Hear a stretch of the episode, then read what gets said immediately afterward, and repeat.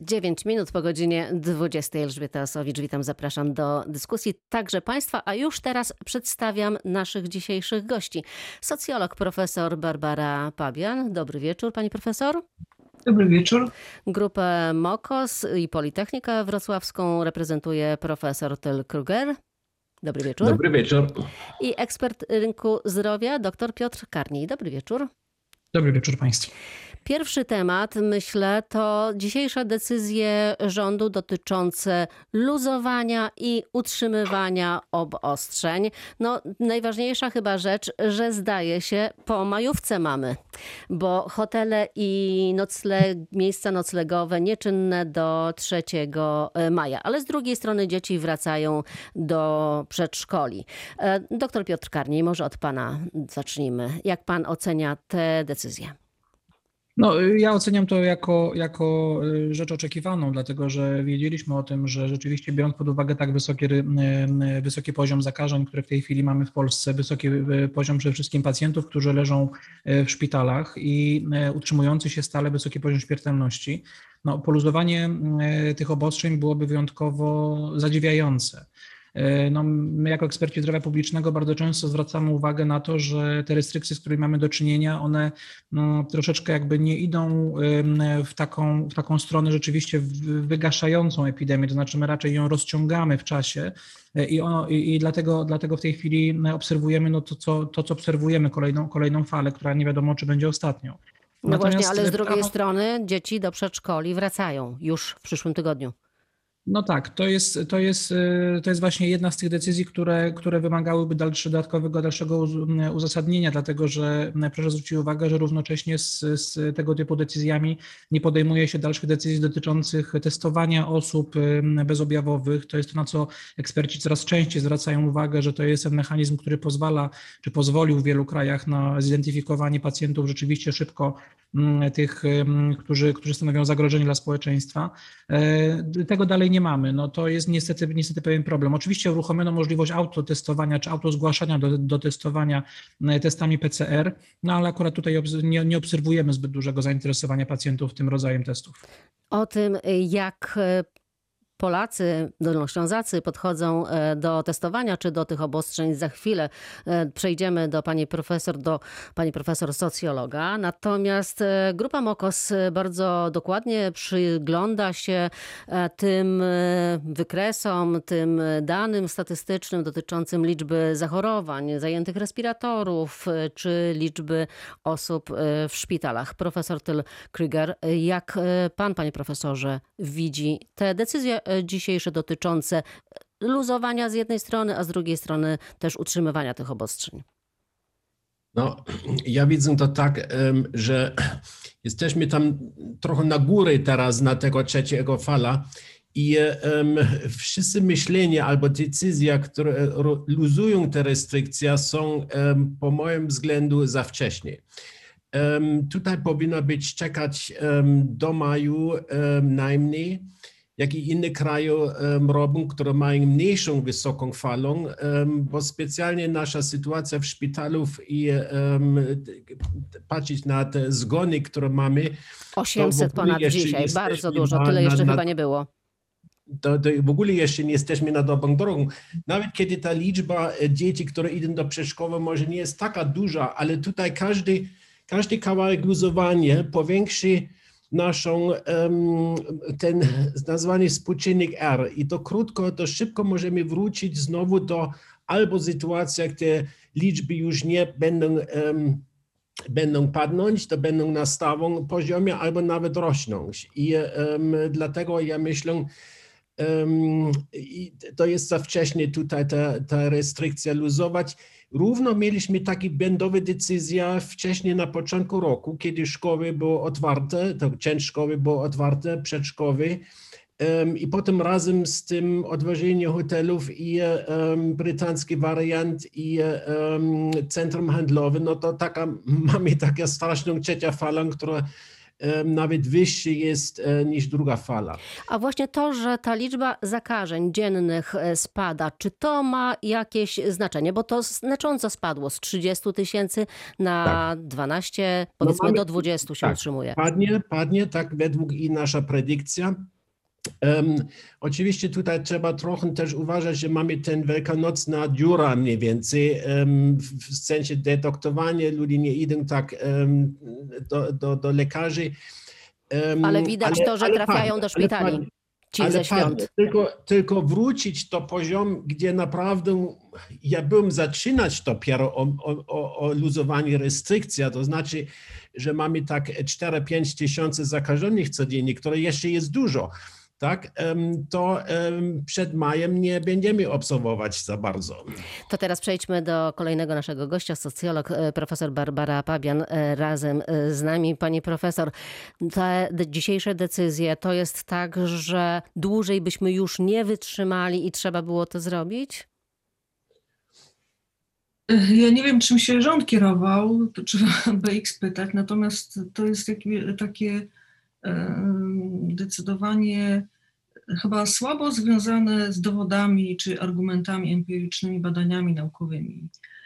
E, Jest wiadomo, że w tej sytuacji jest, e, kiedy dopiero to jest nowy wirus, nowa epidemia, jest e, dużo badań, które nie są do końca ugruntowane, czyli trzeba powtarzać, trzeba zrobić jakiś e, przegląd informacji, jakie miejsca w jaki sposób zakażają. No tak generalnie rzecz biorąc, każdy rodzic wie, że dziecko mu przynosi ze żłobka i ze, e, z przedszkola i ze szkoły wirusa. To, to, to jest dosyć oczywiste, więc właściwie strategia w tej sytuacji jest lepsza założyć gorszy scenariusz, że raczej ten wirus będzie przyniesiony ze żłobka przedszkola, niż że nie będzie, bo jak zwykłe przeziębienie jest przenoszone, to co dopiero koronawirus.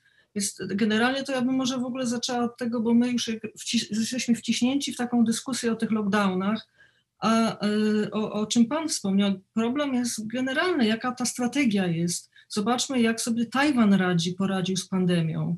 Bo oni E, zamknęli się raz na mocno i Tak, y, Już. y, to jest y, bardzo dobre testowanie, identyfikowanie ognisk, czyli zamiast y, doprowadzenia do sytuacji, że się bujamy z tymi y, lockdownami i restrykcjami, których i tak masa ludzi nie przestrzega w ogóle, więc to jest takie symboliczne e, działanie. Ogłosimy restrykcje i już coś zrobiliśmy, już y, zarządzamy pandemią, a tymczasem ludzie, jest szara strefa, ludzie nie noszą maseczek, no bo długo się nie da wytrzymywać w takich rygorach, a to już jest ponad rok, więc po prostu te koszty pandemii zaczynają, już przekroczyły pewną granicę, więc jak y, patrzymy na to, co zrobili w Tajwanie, doskonałe śledzenie kontaktów, izolowanie ognisk zakażeń, na przykład jak y, y, ten słynny statek Diamond Princess przybił do brzegu i wypuścili, y, to był ich błąd, wypuścili gości, to potem zrobili dokładną listę, gdzie ci goście byli, y, poinformowali publicznie wszystkich ludzi, którzy w tych miejscach byli,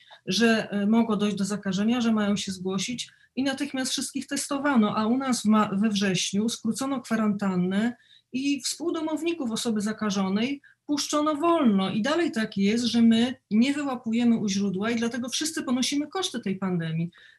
Więc powinno się w ogóle zmienić tą strategię, ściśle zbierać informacje o źródłach zakażeń, izolować je i w ten sposób nie musielibyśmy doprowadzać do takiej sytuacji. A społeczeństwo, no wiadomo, że nie chce już lockdownu, nikt nie chce.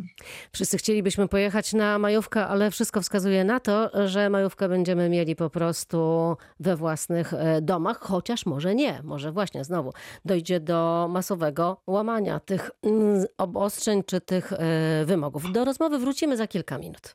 21 minut po godzinie 20 wracamy do rozmowy z naszymi e, gośćmi. Zaczniemy teraz od e, pani profesor, e, socjolog Barbara Pabian. Jak pani myśli, obostrzenia obostrzeniami, zrobi się ciepło za kilka dni, wyjdziemy na ulicę i znowu z tymi maseczkami będzie różnie? Jak pani to widzi? No, ja bym znowu zaczęła od tego, że y, fajnie by było y, y, mieć mm, przegląd rzetelnych informacji, jak te maseczki powinniśmy nosić. Czy Ale już wiemy chyba po roku, jak nosić maseczki. Powinniśmy wiemy, przynajmniej bo- wiedzieć. Powinniśmy Bo wiedzieć Mamy je chyba. nosić na dworze, podczas gdy y, niekoniecznie to ma nam pomóc, a jest dodatkowym obciążeniem. Z punktu widzenia systemu normatywnego, jeżeli norma zbyt dużo kosztuje, to rośnie liczba osób, którzy będą ją lekceważyć. Więc jeśli my każemy nosić te maseczki ciągle i wszędzie, to coraz więcej ludzi będzie, nie będzie nosić tych maseczek. Po drugie, maseczki kosztują. Ja mam takie tu fajne badania, które pokazują, że tylko 7% lo- m, ludzi nosi maseczki FP2, a 40% nosi płócienne i następne 40% nosi chirurgiczne, a dwa mówi, że w ogóle nie nosi. Tak więc te naprawdę, które chronią. A niektórzy jednorazowe noszą miesiąc. Tak, a poza tym te wszyscy widzą, jak te maseczki, y, y, mimo że y, mają nosić na nosie, to noszą pod nosem. Tak nawet w telewizji wtedy występują. Zawsze mnie to zastanawia.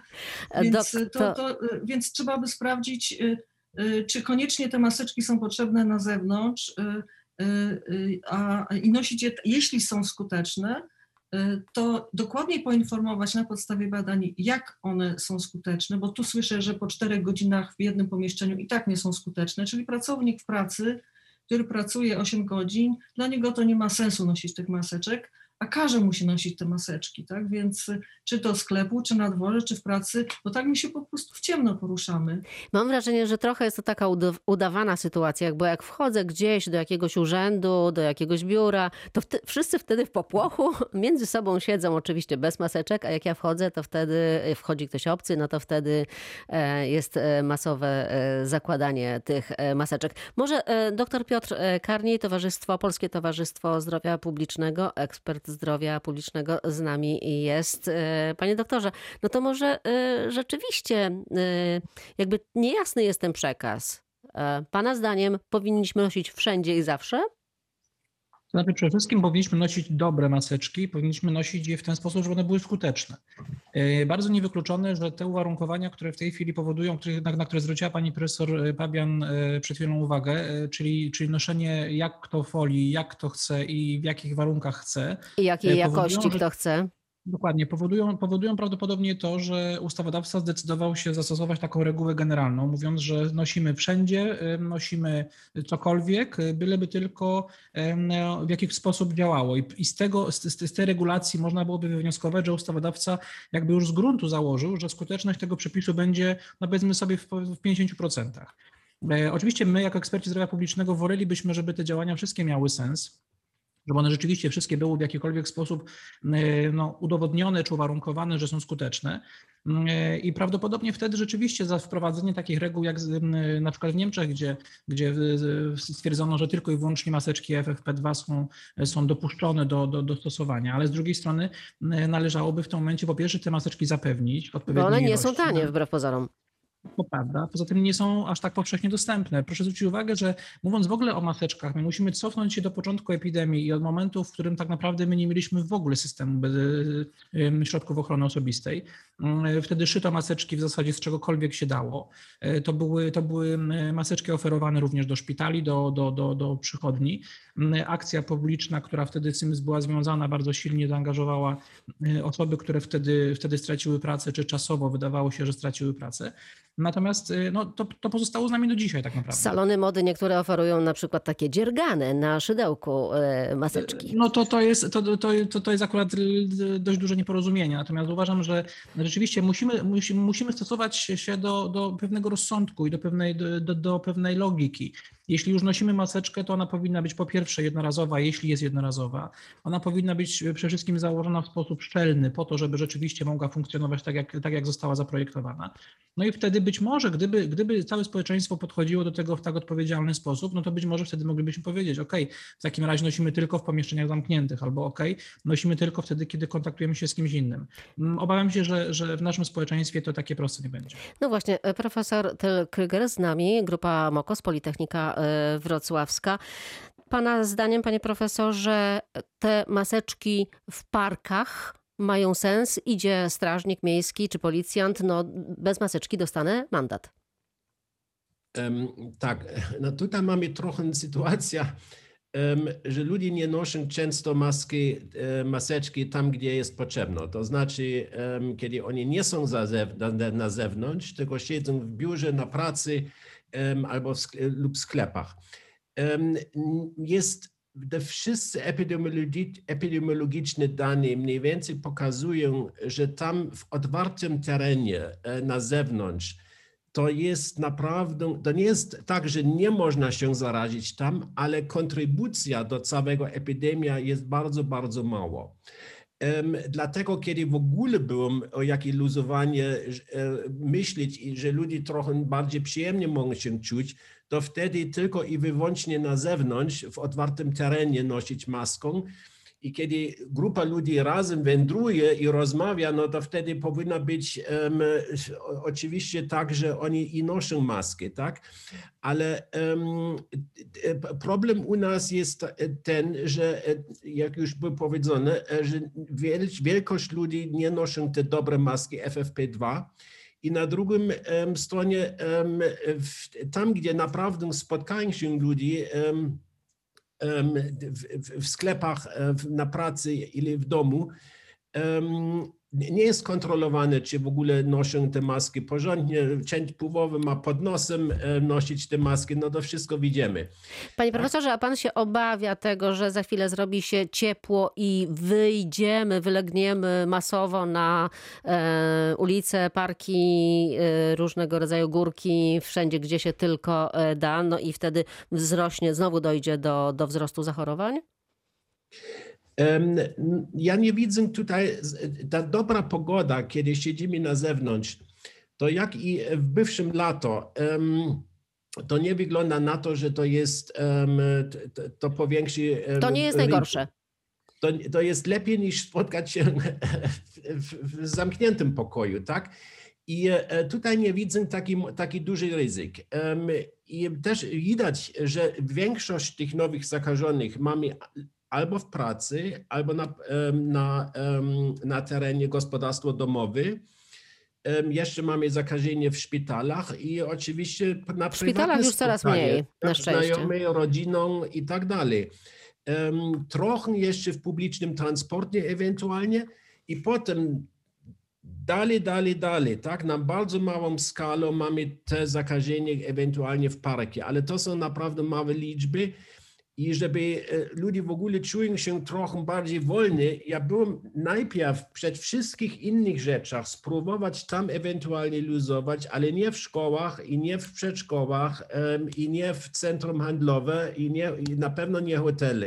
Centra handlowe nadal zamknięte, ale y, zgodnie z tymi y, decyzjami dzisiejszymi młodzież może uprawiać sport na zewnątrz. Nie w hali, ale doktor Piotr Karniej. To chyba dobra decyzja. No, to jest bardzo dobra decyzja, dlatego że ona wreszcie zaczyna doceniać aktywność fizyczną i aktywność sportową ludzi, dlatego że rzeczywiście zauważamy, że branża, branża sportowa, branża fitness w szczególności e, jest tą, która w, czasie pandemii doznała bardzo dużego, mm, bardzo dużego mm, obciążenia, dlatego że rzeczywiście tutaj zamknięcie odbywa się no, w sposób no, nieakceptowalny przez środowisko.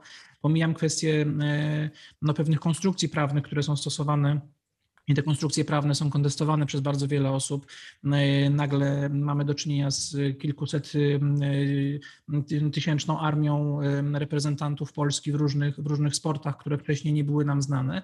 Więc to rzeczywiście powoduje, że, że, że, że społeczeństwo próbuje w jakikolwiek sposób wyjść z mm, tych ograniczeń, które się na niego e, nakłada.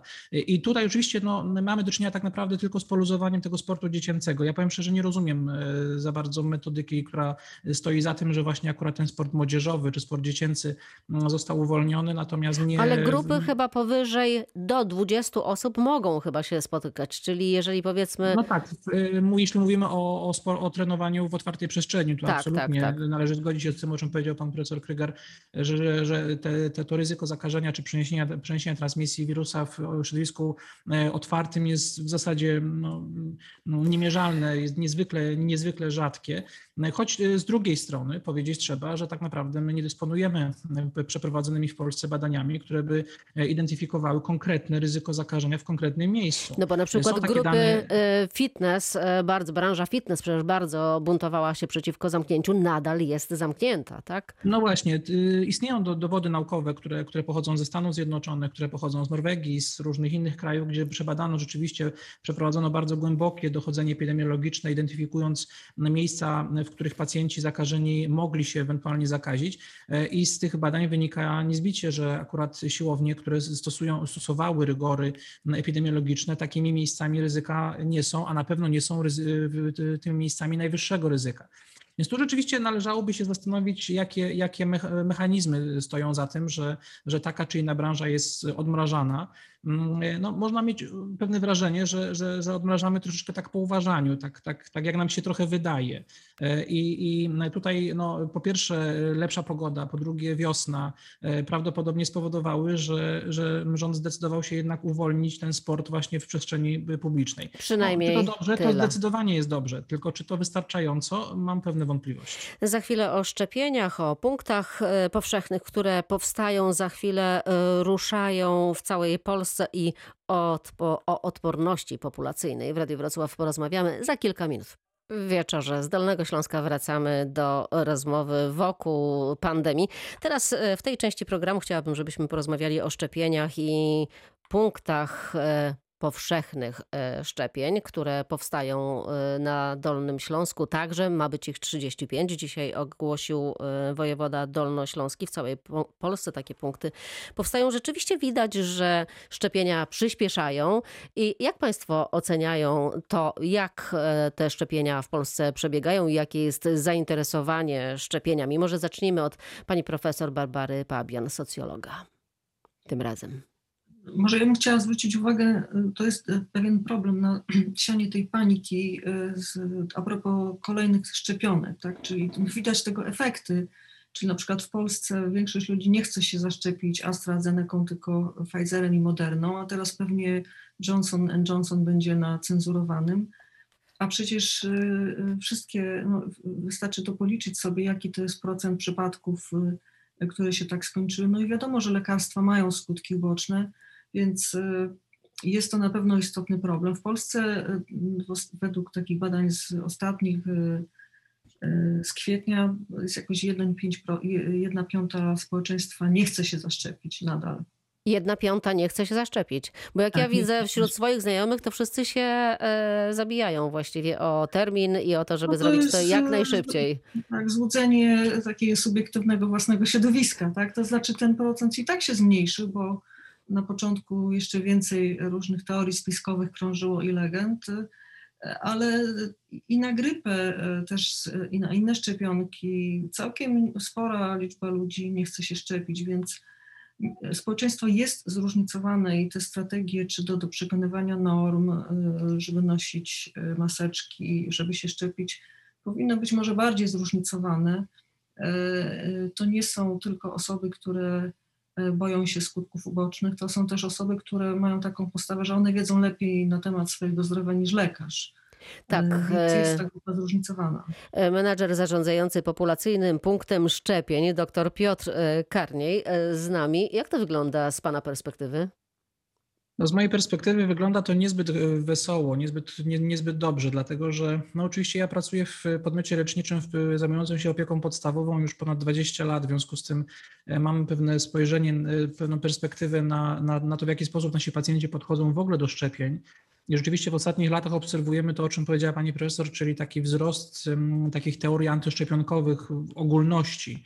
Myśmy sobie z tym dość dobrze do tej pory radzili, ponieważ szczepienia, te, które były realizowane w ramach programów szczepień ochronnych, mm, miały charakter obowiązkowy. No, jeśli rodzice dziecka nie wyrażali zgody na takie szczepienie, no to uruchamialiśmy specjalne mechanizmy i w taki czy inny sposób jednak tutaj jeszcze angażowaliśmy inspekcję sanitarną i często do tych szczepień jednak dochodziło po jakiejś tam perswazji. Ale to było przed pandemią, tak? Tak, a w tej chwili w środku, w środku pandemii ten mechanizm y, bardzo silnie ewoluował w kierunku takiego, em, jakby takiej, no chciałby się powiedzieć samoświadomości, ale takiej nie najlepszej świadomości. To znaczy przekazy publiczne, które w tej chwili obserwujemy, no bardzo zła passa y, szczepionki AstraZeneki, y, zupełnie dla mnie niezrozumiała, dlatego. Odmawiają pacjenci właśnie? Odmawiają. Tak, odmawiają, odmawiają w tej chwili, kiedy uwolniło się bardzo dużo możliwości szczepienia Pfizerem, w, w zasadzie niezależnie niezależnie od grup wiekowych, no, obserwujemy sytuację, w której pacjenci zapisani wcześniej na szczepienie AstraZeneką em, albo rezygnują sami, albo żądają nawet e, przepisania na inny rodzaj szczepionki.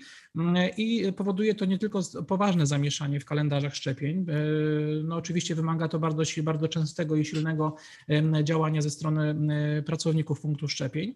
Natomiast z drugiej strony powoduje niestety no, ogromne zamieszanie e, jakby związane z nakładaniem się grup wiekowych, dlatego że w tej chwili już nie jesteśmy w stanie w ogóle powiedzieć, jaki, jaką, ja- jaką grupę wiekową w tej chwili szczepimy. E, Warto zauważyć, że ustawodawca, kiedy wprowadził w rozporządzeniu covidowym e, wymóg e, stosowania tych, tej kolejności opartej o wiek, Mhm. tak, na końcu napisał, że jednak ci, którzy jednak mają skierowanie wystawione, mają prawo je zrealizować. I w tej chwili mamy do czynienia z taką turystyką szczepionkową. Mm, Pacjenci podróżują po szczepionkę do różnych miejsc w Polsce, e, oczekują na tak zwane spady, czyli, czyli tak zwane niewykorzystane szczepionki. Ale ja sprawdzałam Miejsce- to dzisiaj we Wrocławiu muszę powiedzieć, że naprawdę bez najmniejszego problemu znalazłam terminy na piątek, e, sobotę czy niedzielę. Oczywiście można do, pojechać do Tak, no ja- Wałbrzycha ja- na ja przykład powiem- i obejrzeć tam ten książ, zamek książ przy okazji Tak, szczepienia. to prawda. No, ja powiem szczerze, ja y, nie mam y, żalu w żaden sposób do tego, że pacjenci tak do tego podchodzą. To świadczy tylko o ich y, wysokim poziomie samoświadomości i tego, że jednak uważają, że szczepienia są, są dla nich potrzebne i tutaj należy temu absolutnie przyklasnąć. Ja uważam, że ten ruch powinien iść jeszcze szerszy, szerzej. To znaczy powinien, powinny te szczepionki być dostępne dla każdego, kto, te, kto tych szczepionek po prostu chce. E, I wtedy im więcej, tym lepiej. No, obserwujemy na pewno zwiększoną e, podaż szczepionek na rynek. Mamy ich zdecydowanie więcej niż jeszcze wcześniej e, mówiono. Mm, No i, i- mam nadzieję, że ten mechanizm spowoduje, że będziemy mogli szczepić dużo, dużo, dużo więcej. Premier Mateusz Morawiecki zapowiadał kilka dni temu, wczoraj zdaje się, że w maju ma trafić do Polski 9 milionów szczepionek, więc rzeczywiście będzie ich coraz więcej. Czy to jest ten czas, że już możemy sobie pozwolić na wybieranie sobie e, szczepionki? Profesor Tyl Kryger. No, właściwie nie, nie całkiem, em, bo od poziom szczepienia albo odporność populacja, która prowadzi taki, na taki herd immunity, tak, to jesteśmy jeszcze dość daleko. To ile momencie- powinno być wyszczepionych, żeby e, mieszkańców e, naszego kraju, żeby ile procent? No właśnie to jest dość wysoko. My potrzebujemy, żeby naprawdę bez restrykcja i bez dodatkową kontrolą być, mieć taki wysoki poziom, że naprawdę wykazuje się, jest epidemia byłaby podkrytyczną, no to potrzebujemy około do 80% odporność w populacji. To jest bardzo wysoko i em, 80% wyszczepienia, rozumiem, tak? to nie jest tylko szczepiony, to jest odporność. Ach, tak, tak, E, i czyli przechorowane osoby. 10% e, tych, którzy są szczepieni, które ewentualnie, może nie tak mocno, ale oni chorują, mogą zarazić inne. I mamy dzieci jeszcze, które w momencie em, nie są szczepione. I jeszcze mamy te, które nie chcą. I tutaj dostać to poziom 80% odporność jest bez, ja myślę, um, obowiązkowe szczepienie prawie niemożliwe. Em, to na pewno będzie jeszcze problem em, w, w, na, trochę dalej, tak, w jesień. W momencie mamy trochę, Polska na początku było tak równo w prędkości szczepienia do innych zachodnich krajów, teraz trochę bardziej powoli. Mamy 4 promil codziennie, które szczepione i wiele zachodnich krajów już mają więcej, między 5 i 6 promil. To znaczy tutaj naprawdę byłby dobrze, kiedy pośpieszymy ten, ten cały proces, żeby mieć wyższy poziom em, odporność. Oczywiście mamy część, tutaj mamy e, około 30% ludzi, którzy już wcześniej zarazili się w drugą falą i teraz. I razem z tym no mamy jakiś poziom odporności w populacji, który nawet jest wyższy niż w innych krajów. Ale nawet 50%, i to na pewno jeszcze nie mamy, to jeszcze nie jest e, wystarczający, żeby nie mocna czwarta fala może wrócić, kiedy za, za, za wcześnie i za bardzo em, za bardzo szybko luzujemy tutaj restrykcja.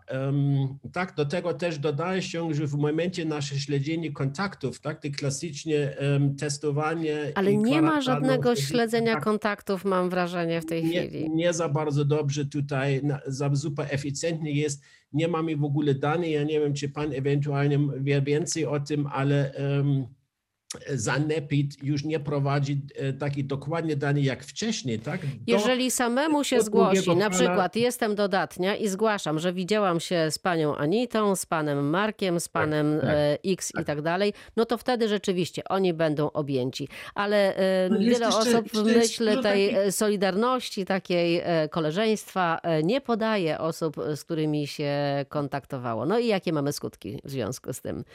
Pani doktor, pani profesor. To są takie, w sumie jest kilka bodźców y, y, przeciwko temu, żeby ludzie się zgłaszali. Dostaną, wiadomo, kwarantanna, nic przyjemnego, obniżone wynagrodzenia, y, podawanie kontaktów przyjaciół, znajomych, to jest taka presja społeczna, po której ktoś może do nas mieć pretensje.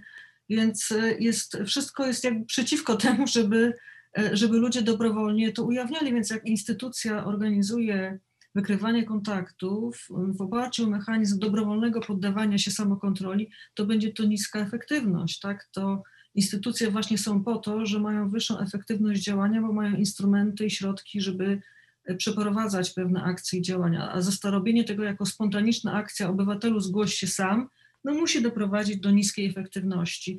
Ja jeszcze, jeszcze raz powtarzam, te pieniądze, jeżeli ludzie, e, często ludzie myślą, no to będzie taka cięższa grypa, dlaczego ja mam tracić pensję, no to jakoś e, sobie dam radę, tak? Dużo ludzi nawet może się izolować, ale tego nie zgłasza e, oficjalnie, tylko przechoruje w domu, tak? A ile osób chodzi z tym albo nie wie, że chodzi, no to, jest, to są wszystko znane, znane fakty. Y, Jest coś takiego jak stosunek do norm, właściwie to jest taki problem, bo e, normatywny, epidemia jest masowa, nie da rady kontrolować policja wszystkich obywateli. Y, Władze powinny starać się tak normy ustalać, żeby one były legitymizowane, czyli żeby jak największa ilość obywateli sama chciała się im podać. One muszą być racjonalne, a społeczeństwo jest traktowane to, trochę tak jak dzieci jesteśmy traktowani. Tak? O punktach szczepień, o powszechnych e, punktach e, szczepień, które mają ruszyć w Polsce. Pierwszy na Dolnym Śląsku, pierwszy w Polsce zresztą, ma ruszyć e, taki powszechny punkt, ma ruszyć w Legnicy w najbliższy poniedziałek. O tym więcej za kilka minut. Tylko we Wrocławiu działa ponad 120 punktów szczepień, gdzie można się zaszczepić przeciw COVID-19. E, Teraz zdecydowanie zwiększyć ma się jeszcze liczba szczepień na stadionie Wrocław, który ma się stać e, punktem powszechnym, takim e, masowym. No, Uniwersytet Medyczny też zapowiada, że może szczepić 15 tysięcy osób dziennie. Czy to jest e, rozwiązanie ta- wystarczające, czy rzeczywiście wszyscy ci, którzy chcą się zaszczepić, nie mówimy tutaj o tych, którzy unikają szczepionek, czy rzeczywiście kwiecień, maj to będzie taki okres, że w maju już będzie można otworzyć e, rejestrację dla wszystkich tych, którzy chcą. E, Profesor e, Tyl Krüger z nami. Pan, panie profesorze, myśli, że to już będzie ten moment, gdzie bramki zostaną otwarte i każdy, kto przy tym tempie szczepień, jakie teraz jest. E, To jest dobrze, że mamy więcej szczepienia, tak, kiedy tak będzie, ale że bramka po prostu otwarta będzie i my wychodzimy, jak nie było, była epidemia, tak to nie będzie. My mamy tutaj parę problemów. Najpierw, żeby naprawdę e, nie ryzykować czwartą falą, potrzebujemy jeszcze w tym całym roku, tak to wygląda, jakieś restrykcja. Może nie tak, nie, na pewno nie tak mocno jak teraz, ale potrzebujemy restrykcja. I ważne tutaj było, bo na pracy dużo ludzi zaraża się, że jest obowiązkowe, że firmy testują najmniej dwa razy w tygodniu swoje pracownice regularnie. No tak? ale tego nie ma. To ja widzę kluczowe, em, kluczowe em, organizacyjne zadanie przed odwożeniem tutaj innych rzeczach, tak? Że po prostu kompensujemy to odwożenie z polepszeniem z tych em, testowaniem i oczywiście wtedy em, każda testowana osoba idzie na kwarantannę, ewentualnie śledzenie kontaktów będzie to jest hamulec dla epidemii, tak? To nie jest tak, że jak niektórzy ludzie myślą, że po prostu będziemy widzieć więcej przypadki. Nie, więcej em, ukryte, ben- więcej przypadki widzimy, czym więcej hamulujemy epidemię. Tak, to byłoby jakieś rozwiązanie. Niestety tak się nie dzieje. Doktor Piotr e, Karniej, ekspert e, zdrowia publicznego. E, Panie doktorze, ja jeszcze chciałabym wrócić do tego, do tego szczepienia. Czy pana zdaniem rzeczywiście może się zdarzyć tak, że już w maju, te koniec maja powiedzmy, te bramki na, dla tych chętnych na szczepienia zostaną już otwarte, czy to jeszcze za wcześnie? No ja myślę, że to nie jest kwestia wiary, tylko kwestia takich wąskich gardeł, które, których możemy się spodziewać. Ja uważam, że na pewno wąskim gardłem jest liczba szczepionek, która będzie do dyspozycji. No ma być w tej 9 chwili- milionów w, w No, maju. to są póki co deklaracje. Takich deklaracji już od początku e, roku mieliśmy kilka, w większości nie spełniły się, w związku z tym e, tak naprawdę to, ile szczepionek do Polski trafi, to jest dosyć e, problem złożony, wynikający również z dystrybucji przez producenta. W tej chwili wiemy, że Johnson Johnson na chwilę wstrzymał swoje dostawy do, do Unii Europejskiej. Nie wiemy, jak długo to wstrzymanie potrwa, nie wiemy, co stanie się z AstraZeneką. W związku z tym tego typu, tego typu uwarunkowania mogą być wąskim gardłem. Drugi, drugie wąskie gardło, na które należy zwrócić uwagę, no to liczba personelu, który będzie szczepił. W tej chwili rzeczywiście podejmujemy bardzo dużo działań, żeby, żeby jak największą e, grupę pracowników medycznych upoważnić do tego, żeby, żeby wykonywali szczepienia ochronne. E, No i ja myślę, że jeżeli, jeśli rzeczywiście te wszyscy ci pracownicy, farmaceuci, diagności laboratoryjni, fizjoterapeuci, którzy, którzy do tej pory nie pracowali w punktach szczepień, jednak podejmą się tych wyzwań, bo y, tu zwracam uwagę, że samo ukończenie kursu wcale nie oznacza, że ci ludzie podejdą do, y, do pracy w punktach szczepień, bo Wystarczy, żeby zorientowali się, jaka to jest praca, albo żeby zrozumieli, że istnieje ryzyko wstrząsu anafilaktycznego y, i parę innych okoliczności, więc niewykluczone, że te osoby wcale w takiej liczbie nie podejmą się szczepień pacjentów. Więc to są te, te wąskie gardła, na które ja zwracam uwagę i myślę, że jeśli one nie nastąpią, jeśli rzeczywiście wszystko pójdzie płynnie, jeśli będziemy mieli dobrą współpracę z punktów szczepień z Agencją Rezerw Materiałowych, bo ta współpraca póki co jest na bardzo słabym poziomie, w zasadzie zero komunikacji, w zasadzie współpraca opierająca się tylko i wyłącznie na wysyłaniu korespondencji e-mailowej, ale jeśli to wszystko będzie miało miejsce i tu będziemy mieli możliwość e, sprawnego zarządzania łańcuchem dostaw, no to myślę, że no, ko- koniec maja to na pewno jest e, optymistyczne, e, optymistyczny termin. Ja chciałbym wierzyć, że on się rzeczywiście ziści, bo, bo każdy z nas chciałby jechać na wakacje w terminie wakacyjnym i być e, pewnym swojego zdrowia.